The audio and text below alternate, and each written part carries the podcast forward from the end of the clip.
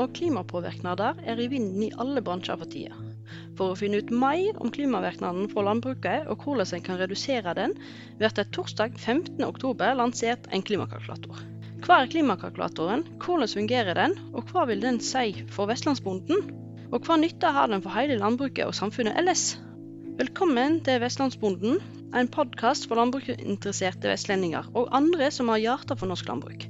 Her får du gode råd og påfyll av faglige temaer fra Norsk landbruksrådgivning Vest. Mitt navn er Helena Elvertun, og jeg er til daglig grovfòrrådgiver. Med oss i dag har vi Svein Skøyen, som er en av hovedpersonene bak klimakalkulatoren. Velkommen til deg. Takk for det, Helena. Kan ikke du fortelle litt hva klimakalkulatoren er for noe? Ja, det kan jeg prøve å si kort. For eh, det er sikkert mange som har hørt om dette her. Vi, vi begynte jo for eh, over tre år siden, egentlig. Og da var ideen at vi skulle lage en klimaberegning og en klimarådgivning for hver gård. At vi tilbyr noe til hver bonde. da.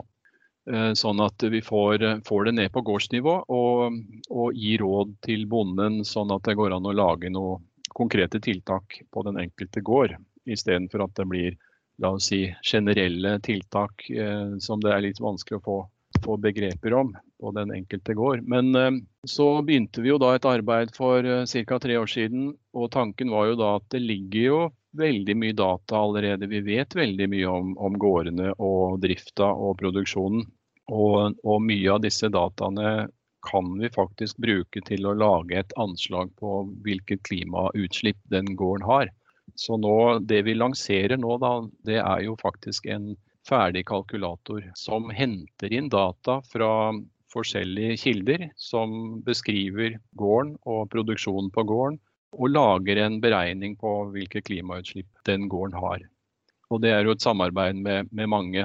Tine og, og andre eh, organisasjoner i landbruket leverer jo inn data til denne kalkulatoren. Ja, for det neste spørsmål er jo selvsagt hvordan en sånn klimakalkulator vil fungere når en bonde skal til å bruke dette. Hva gjør han? Ja, Det er jo et komplisert eh, regnestykke som ligger bak, så vi kan ikke gå i detaljer på det. Men, men det er jo eh, forskere som har um, utviklet en beregningsmodell da, basert på internasjonale og nasjonale forskningsprosjekter. Så vet man jo ganske mye om hvordan disse klimagassene oppstår. Og som sagt så, så, trenger vi jo da parametere eller data for den enkelte gården for å kunne bruke den beregningen. Og det er jo mange forskjellige data. Det er jo jordsmonnet og geografien, eh, der, klima der hvor den gården befinner seg, det har betydning. Eh, produksjonsdataene, hvilken vekster og hvilke husdyr som produseres på gården. Avlingsnivået, tall fra regnskapet, fra omsetningen, kjøp og salg av driftsmidler. Alt dette kom jo inn på en eller annen måte i dette regnestykket. Og I prinsippet så er det sånn at disse dataene lager en beregning som er helt automatisk. For å si det litt enkelt, når, når alle dataene er tilgjengelige, så, så skjer dette uh, uten at bonden behøver å sitte og, og regne på egen hånd eller finne fram data på egen hånd. Så det vil si at det er ikke noe tastetrykk for bonden eller Åkans side om å registrere data. Alt kommer automatisk. Ja, i prinsippet er det sånn. Så er det vel uh, alltid noen unntak, for det er jo også muligheter den, i den kalkulatoren vi nå presenterer å legge inn litt egne data da, for å få ting litt mer presist. For det er ikke alle ting som det er så lett å finne digitale data på. Selv om bonden rapporterer jo inn og sender inn søknad om produksjonstilskudd f.eks., så, så er det jo veldig mye opplysninger som allerede ligger der, men, men noe kan jo registreres på egen hånd. Da. Og så er det jo en pålogging her som er kanskje en liten kneik, fordi dette er jo ikke noe man finner på internettet. Det er ikke et program man laster ned. du må logge deg inn i et eh, system her, da. Og så Linken den skal jeg legge til på uh, episodebeskrivelsen i denne podkasten, slik er det lett å finne linken til klimakalkulatoren. Kan alle bøndene ta i bruk klimakalkulatoren etter 15.10? Ja, eh, Det er et godt spørsmål. fordi Nå har vi jo lovt at vi har laget en kalkulator da, for landbruket. Og, og, den vil være tilgjengelig. Det som skjer nå ved lanseringen er at eh, alle bønder som har et foretak i foretaksregisteret, kan egentlig logge seg inn på landbrukets dataflyt og den eh, linken som du sender ut eller viser.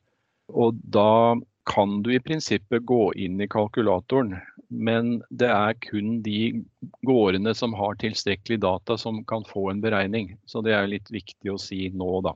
Og da er det planteproduksjon, grovfôr eh, og korn, og gris og melkeproduksjon som er, eh, som er klargjort. Vi har laget modeller og beregningsmetoder for de produksjonene så er det jo slett ikke alle da, som har data tilstrekkelig. Og det, det, vil jo da framkomme når man prøver å logge seg inn i kalkulatoren at, at det står at du har ikke nok data. Så, sånn er det, men, men, dette vil jo utvikle seg, og det blir eh, forbedringer og videreutvikling, sånn at uh, flere og flere kan ta det til bruk. Da. Når eh, kommer de andre innpå? Har dere noen idé om det?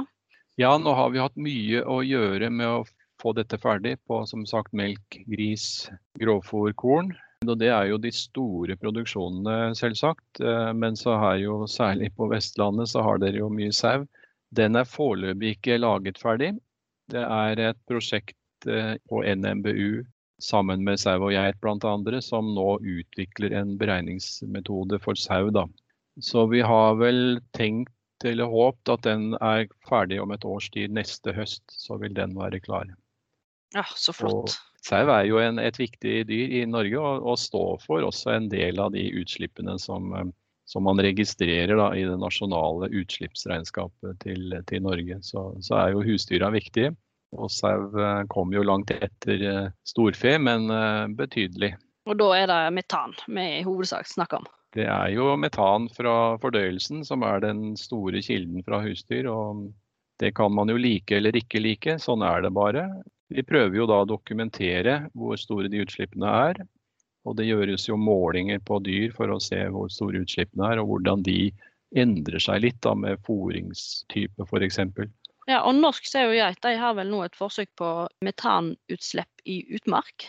Jo, det er jo også en del av bildet som er litt vanskelig å få gode data på, fordi sauen går jo på utmark. Og vi har ikke noe, noe, veldig gode registreringer av hva som skjer på utmark. Um, så det måles, som du sier. Man måler jo utslippene fra hvert enkelt dyr. Og det er jo utslipp fra den gjødsla de slipper fra seg. Og så er det jo påvirkning av utmarksbeitene, hvorvidt det da er positivt eller negativt for karbonlagring f.eks. Så man forsøker å få litt bedre tall for jeg vil jo si at uh, vi skal jo ikke legge opp til her og si at utmarksbeite er, eh, er, dumt, for det er det jo slett ikke. Men det er det å finne, finne gode tall da, for å dokumentere dette her. Så jo mer tall en finner og får forska fram, jo mer tall blir eh, implementert i klimakalkulatoren, da? Ja, det er ja. riktig. Men så sa du her tidligere at det var planteproduksjon inkludert. Når du sier planteproduksjon, snakker vi da kun grovfôr? Det er jo grovfôr og melk liksom, som henger veldig nøye sammen, da, og sau og grovfôr, selvsagt. Så vi har liksom hatt et hoved, hovedarbeid mot eh, grovfôr. Men så er jo denne beregningsmodellen egentlig eh, stort sett ferdig, eller den er ferdig laget for kornproduksjon. Og, og modellen tar også med seg potet og, og erter og åkerbønner og for så vidt de vekstene som dyrkes på gården. Eh, men, men, selve beregningsmodellen den er nok utviklet først og fremst for, for gras eh, og korn. Men hvordan finner kalkulatoren ut hva eh, vekst en har på de ulike skiftene? Ja, nei, men Det er jo et viktig spørsmål. Det er jo litt av det datagrunnlaget vi snakket om her. Fordi vi vet jo, staten vet jo hva de fleste dyrker i Norge, men ikke på skiftenivå. Så der må vi ha bondens egne registreringer, og da er det per i dag skifteplan. Det er den de aller fleste bønder bruker, og NLR bruker jo skifteplan. Eh, fordi der står det jo opplysninger om hva som dyrkes på hvert eneste skifte. Og det står hva som det gjødsles med, og for så vidt andre ting. Både jordarbeiding, plantevern, men så er det jo mange bønder som bruker agrilog når de registrerer gjødslinger. Og så bruker de gjødselplanen fra oss, eller de lager sin egen til å gjødsle etter. Og Da er mitt spørsmål eh, vil agrilog synes på klimakalkulatoren?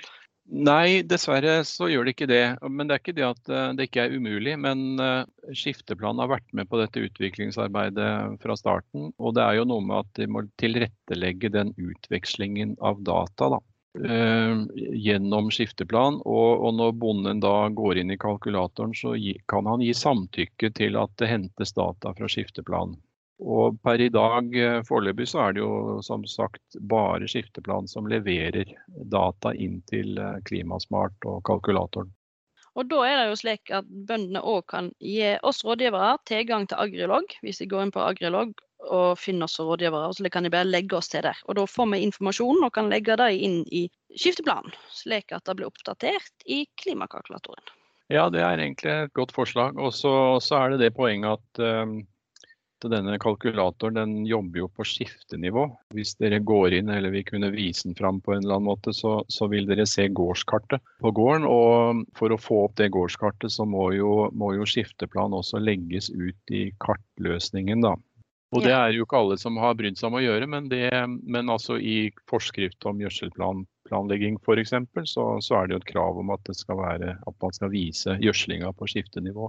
Den skal være et gårdskart som en del av gjødselplanen. Og den dokumentasjonen eh, kan man jo kreve i andre sammenhenger også. Avlingsskade. Det er mange situasjoner man, hvor man eh, må dokumentere ting på et skiftekart. Da.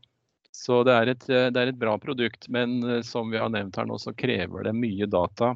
I mange tilfeller så må nok bonden kanskje spørre deg i landbruksrådgivningen eller andre rådgivere om litt bistand til å få dette til. Da. Men så er det jo eh, sånn at noen bønder kanskje vil ha en innvending mot klimakalkulatoren, og at klimaregnskap på gården vil bli enda et sånn pålegg som gir mer arbeid og kanskje mer kostnader. Er det slik? Jo, det er så klart et relevant spørsmål, fordi det kommer jo mange krav. Og nå er det krav om HMS eh, og dyrevelferd og ja, det er noe krav hele tiden, ikke sant. Eh, men sånn er det vel litt å drive et foretak, enten man er i landbruket eller andre steder. Man må liksom tilfredsstille en del krav, da. Eh, så er det jo litt opp til oss og myndigheter å lage disse kravene overkommelige og oversiktlige og enkle å gjennomføre, da. Og den, denne kalkulatoren skal jo egentlig ikke medføre noe ekstraarbeid, i og med at det går automatisk. Så ekstraarbeidet er jo den dokumentasjonen som bonden selv lager da, gjennom sin skifteplan, eller som medlem av kukontrollen eller sauekontrollen. Altså det må være best mulig eh, registreringer på gården i de systemene som bonden allerede er med i. Så spør du her om, om dette er noe man kan tjene på. og det, Når vi har testa ut dette litt nå i løpet av et par år, så, så har vi jo sett det at eh, bonde og rådgiver finner jo strakk ganske fort ut at her er det mulig å spare litt penger. Altså ved å optimalisere litt og, og kanskje tenke litt nytt. Eh, se gjennom drifta si. Er det unormale høye utslipp fra en eller annen produksjon? Fordi man i kalkulatoren så vil du se en sammenligning også. Men Vil det koste noe å logge seg på her og bli med i klimakalkulatoren?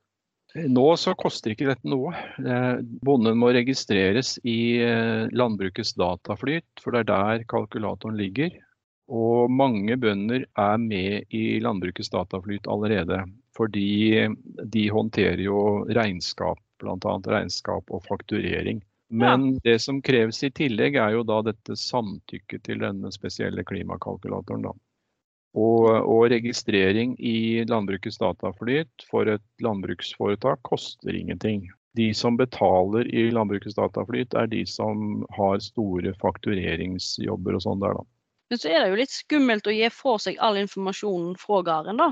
Er det slik at naboen kan gå inn og se eh, klimautslippet hos deg? Nei, og denne innvendingen får vi jo litt. fordi det er som du sier, noen er litt skeptiske til det. Eh, og det har vi jo selvsagt tatt hensyn til, fordi eh, landbrukets dataflyt det er jo eid av landbruket også. Det er jo et eh, SA-selskap som eies av landbruksbedrifter. Og de må oppfylle alle krav om dataforvaltning og sikkerhet. Så egentlig så, så er det bare bonden selv som ser resultatet fra kalkulatoren. Men så kan jo bonden, akkurat som når det gjelder regnskapet, da, så kan man gi samtykke til en rådgiver, regnskapsfører eller andre da, for å se det. Så den situasjonen som kanskje blir vanlig, er at en rådgiver, enten det er fra Tine eller NLR eller, eller andre som du har samarbeid med da, i drifta, får lov å se ditt klimaregnskap.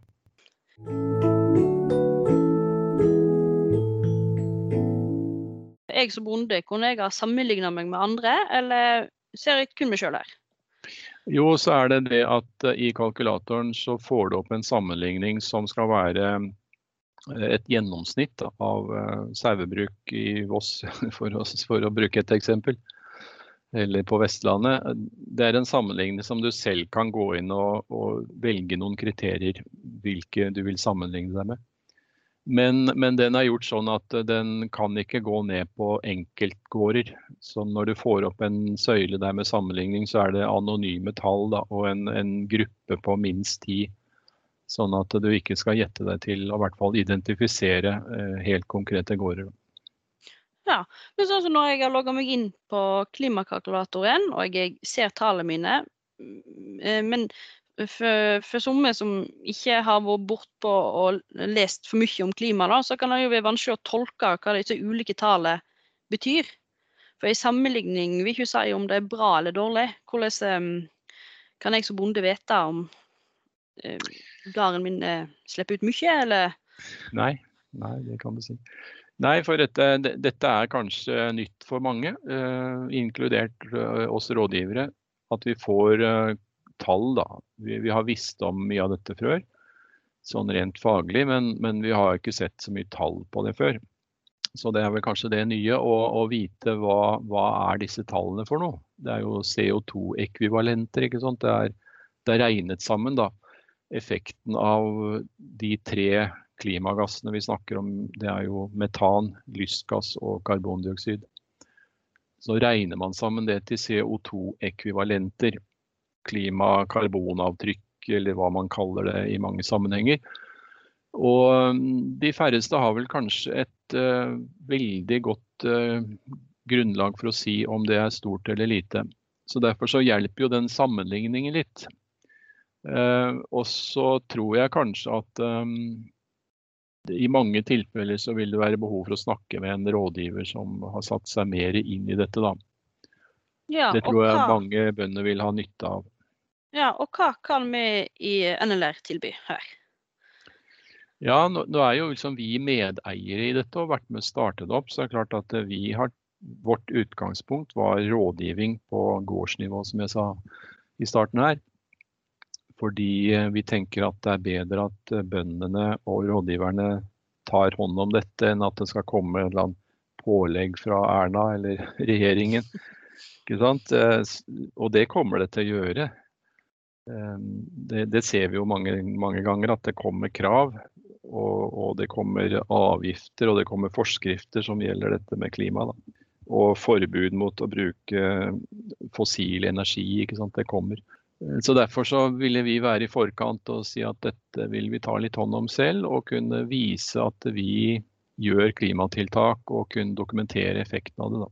Eh, og Derfor så har jo vi nå i løpet av noen år utdannet våre rådgivere òg. Mange av våre rådgivere, og du Helene har jo vært en av dem, som har gått på kurs og testa ut dette her. og Fått eh, etterutdanningskurs og eksamen og, og, det, og, greier. Så vi har jo etter hvert eh, en god del eh, veldig erfarne rådgivere da, som kan bistå her. Og så er det jo litt sånn at kanskje Klimarådgivning eh, er kanskje ikke det som står høyest på lista til bøndene, men er det mulig å søke noen form for kompetansemidler der? Ja, fordi vi var jo med å legge inn litt eh, si, ønsker i, i, jordbruksavtalen i fjor. Eller i år, egentlig. da, I, på, på, våren, hvor eh, før jordbruksforhandlingene, så, så, meldte jo vi inn fra landbruksrådgivningen at uh, det er behov for en finansieringsordning. For vi kan ikke forvente at bøndene betaler frivillig uten videre penger. For, for rådgiverne må jo ha dekket sine timer. Eh, så det kom jo da en bevilgning i jordbruksavtalen nå i vår, som da gjelder for neste år, riktignok. At det vil være midler i RMP-ordningen til klima, klimarådgivning. uten at vi vet eksakt hvordan den blir utformet, så, så er det satt av penger der. Og så har vi jo nå sett at Gjensidige også har tilskuddsordning for sine forsikringstakere. Da. Gjensidige jo, er jo opprinnelig et bondeeid selskap. Og har jo fortsatt en, en, en stor andel av forsikring i landbruket. Så der er det faktisk utlyst eh, penger, sånn at bonden kan søke om eh, penger, altså støtte til klimarådgivning. Men eh, bare ned for å understreke at det bærekraftige til Gjensidige, da må du både ha forsikringer gjør Gjensidige, og du må bli medlem av Bondelaget så, så, kan vi jo kanskje vente at landbruksforsikring, eller Landkreditt som det nå heter, og, og andre kommer med, med liksom litt sånn gunstige ordninger. Da, for eh, de ser jo at dette er et sånn risikominimerende, eh, reduserende tiltak. At man har klima, en slags klimaberedskap eller klimadokumentasjon på gården. Da har vi jo snakka en del rundt dette her, eh, hvordan en bruker den og kostnaden rundt det.